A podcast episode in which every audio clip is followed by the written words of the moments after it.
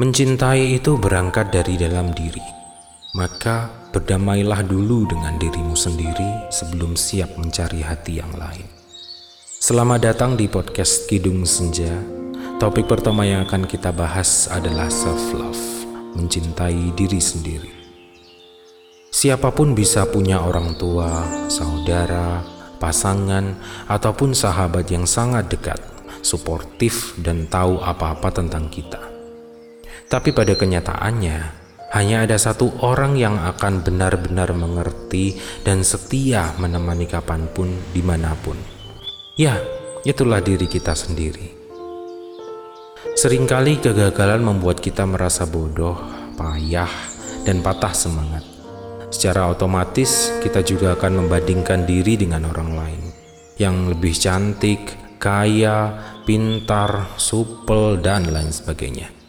Kenapa aku tidak bisa seperti dia? Pikiran-pikiran negatif itu hanya akan berujung pada rasa insecure, rasa tidak aman, dan rendah diri. Yang jika dibiarkan terus-menerus bisa membuat seseorang menjadi minder, takut untuk maju, dan yang paling parah, jatuh ke dalam kondisi depresi, mulai menyakiti diri sendiri. Jika kamu merasa hal di sekitarmu tidak berjalan sesuai dengan ekspektasi, Coba berhenti sejenak sebelum berpikir untuk menyalahkan siapa pun, termasuk diri sendiri.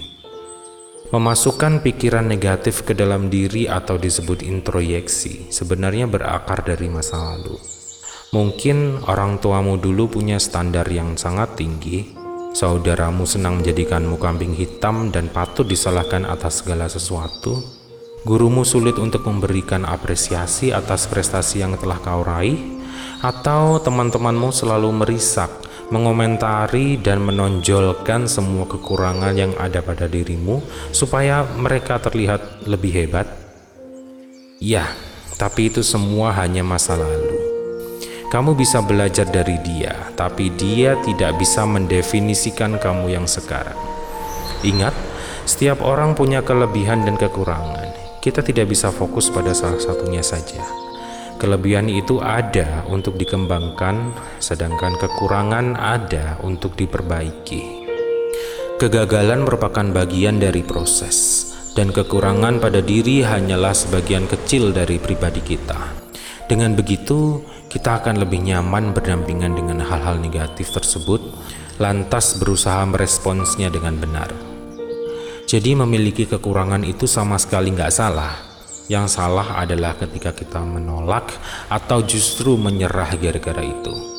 Padahal dalam kadar yang tepat, kekurangan bisa dijadikan bahan lelucon untuk membuat teman dekatmu selalu tertawa. Orang-orang justru akan respect ketika kamu memilih jujur dan menjadi diri sendiri. Karena itu adalah hal yang sangat berani. Tidak semua orang melakukannya. Kebanyakan hanya menampilkan sisi baik dari topeng mereka, bukan? Kekurangan juga bisa menjadi tanda bahwa dirimu itu adalah manusia, bukan malaikat. Dengan menunjukkan kerentanan ini, orang-orang di sekitarmu yang mungkin memiliki kekurangan yang sama bisa merasa relevan. Jadi kalian bisa saling support dan berkembang bersama-sama. Kekurangan juga bisa untuk mengetes bahwa pasanganmu menerima kamu seutuhnya karena buat apa mempertahankan hubungan yang selalu membuat cemas, membuatmu harus berbohong dan menjadi orang lain hanya demi pasangan. Intinya, merasa nyamanlah dengan dirimu sendiri. Jadilah versi yang terbaik dengan memupuk segala kelebihan sekaligus menerima kekurangan dengan bijak. Barulah kamu bisa peduli dengan orang lain, membantu sesama, menjaga hubungan yang baik, dan mencintai dia sebagaimana kamu mencintai diri sendiri.